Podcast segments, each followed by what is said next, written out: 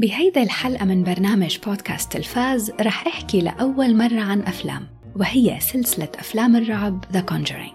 بعرف إنه الرعب يمكن ما يكون من ذوق الجميع ولكن سلسلة أفلام The Conjuring بوجهة نظري تتميز عن غيرها من الأفلام بهي الجنرا بهيدا الحلقة رح أحكي عن الأشياء يلي بتميزها وكمان رح أعمل على مراجعة الجزء الثالث The Conjuring The Devil Made Me Do It يلي صدر حديثا بالسينما.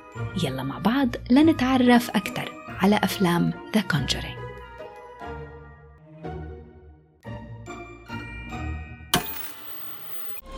The court accepts the existence of God every time a witness swears to tell the truth. I think it's about time they accept the existence of the devil.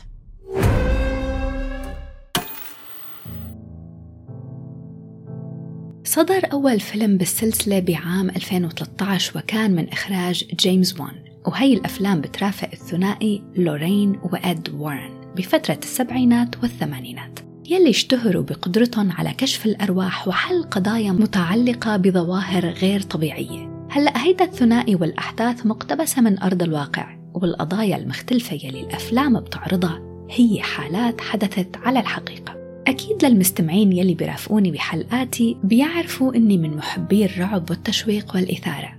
ولكن هيدا الشي ما بيعني إني بحب كل الإنتاجات من هيدا النوع. بالعكس شخصيا بلاقي صعوبة كتير كبيرة بالعثور على شي فعلا يعجبني خاصة من جونرا الرعب. يلي بالكثير من الأحيان بتكون محشية بعناصر التخويف هيك بس بهدف التخويف. وبتفتقد لعامل القصة القوية. وغالبا ما بتكون المشاهد الدموية مبالغ فيها ومايلة للإشمئزاز وبأكثر قصص الرعب بتكون الفكرة عبارة عن مجموعة أشخاص بيتناقص عددهم واحد ورا الثاني لحتى يبقى البطل أو البطلة للآخر. يا أما بينجوا يا أما بيموتوا. هذا النوع من الأفلام مش هو نوع الرعب يلي بحبه. وكأنه إذا الشخص بيحب الرعب معناته هو ما بيهتم بالقصة والتمثيل والشخصيات وبناء الأحداث بالشكل الصحيح. شخصيا بحب المسلسلات والأفلام من هي الجنرا تكون إلى قصة متوازنة. فيها بداية وفيها نهاية مفهومة وواضحة وببعض الأحيان مفاجئة.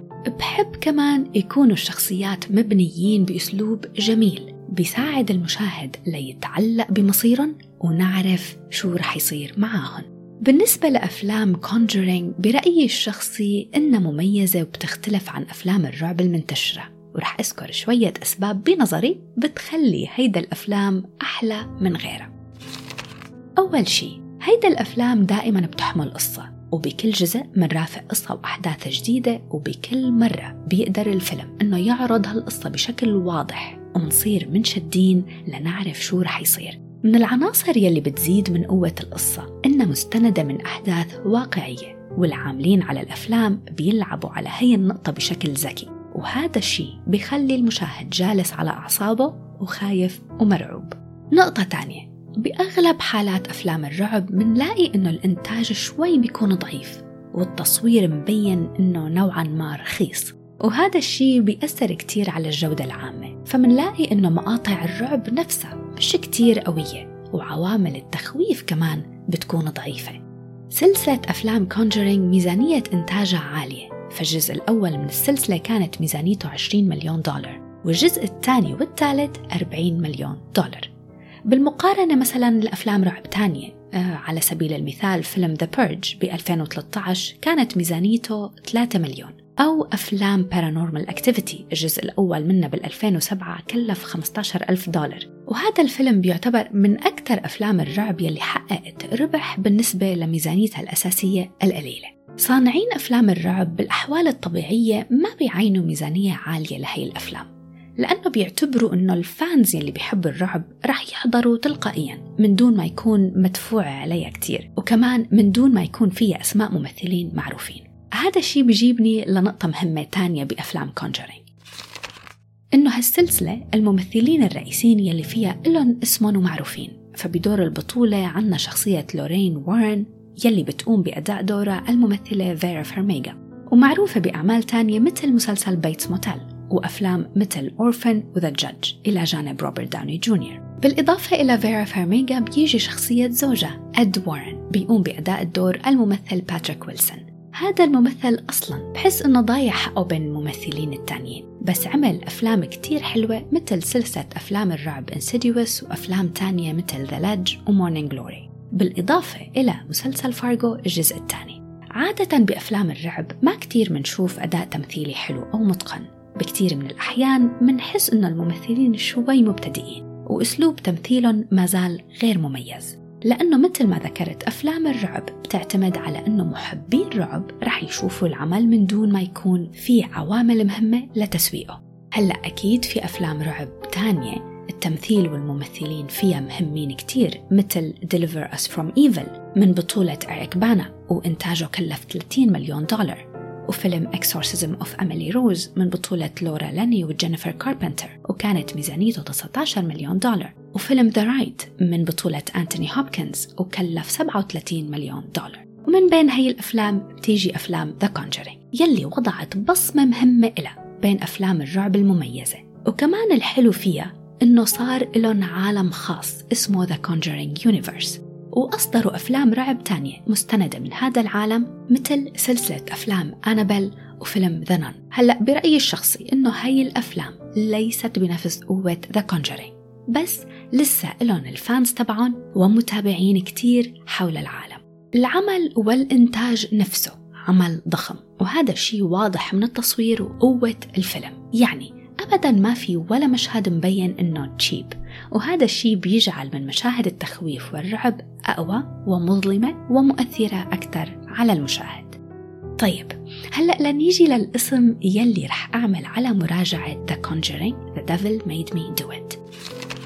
هذا الجزء برافق عائلة بدأ ابنهم الصغير باختبار حالات استحواذ غريبة وغير طبيعية وبيجي الثنائي لورين وإد وارن لحل القضية. هيدا الفكرة العامة من الفيلم وأكيد بعدين بفوت بتفاصيل وبتتعمق القصة أكثر لما بيكتشفوا إنه يلي كانوا مفكرينه حالة استحواذ مثل غيرها إلى أبعاد وأسرار أكبر ومعقدة أكثر لفوت بتقييمي بسرعة للفيلم. صحيح إنه هيدا الجزء عجبني وحبيته واستمتعت بتجربة المشاهدة ولكن بالرغم من الاستمتاع إلا أني بحطه بالدرجة الأخيرة من بين الثلاث أجزاء فهو أقل واحد حبيته بالثلاثية ليش؟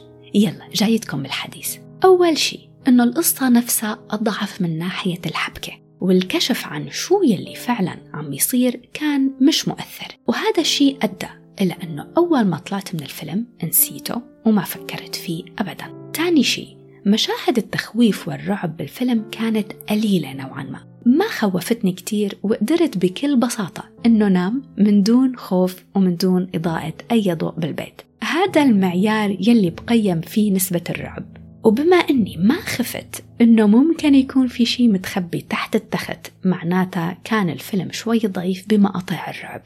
بس وأكيد في بس. أول خمس دقايق كانوا حلوين. كانوا رهيبين. الافتتاحية كان فيها فن بصراحة.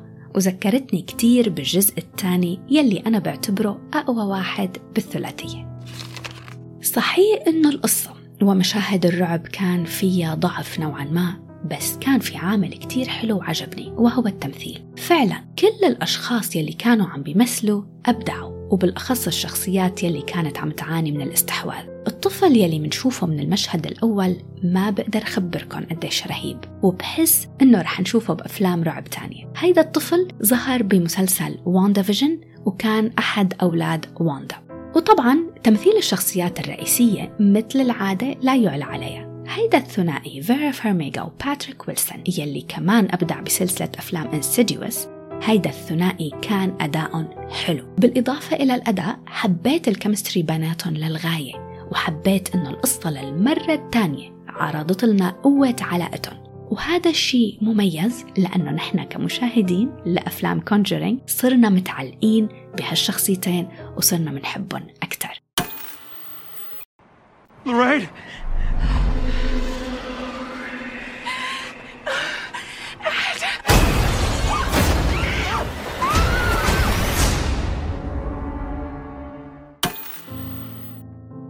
بيبقى السؤال هل بحب إني أشوف جزء رابع؟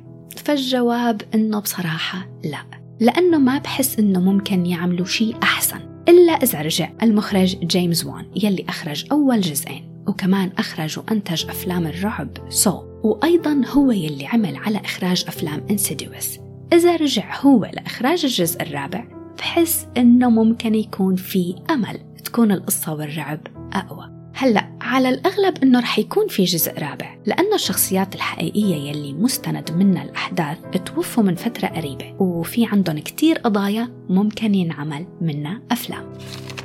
فيلم The Conjuring The Devil Made Me Do It حاصل لهلأ وبعتقد إنه ممكن هالتقييم يقل. حاصل على تقييم 6.5 على IMDb و59% على Rotten Tomatoes شكرا لكل يلي رافقوني بهيدا الحلقة. وبتمنى أنه تكون نالت رضاكم وبشوفكن بحلقة جديدة وفيلم جديد. باي باي.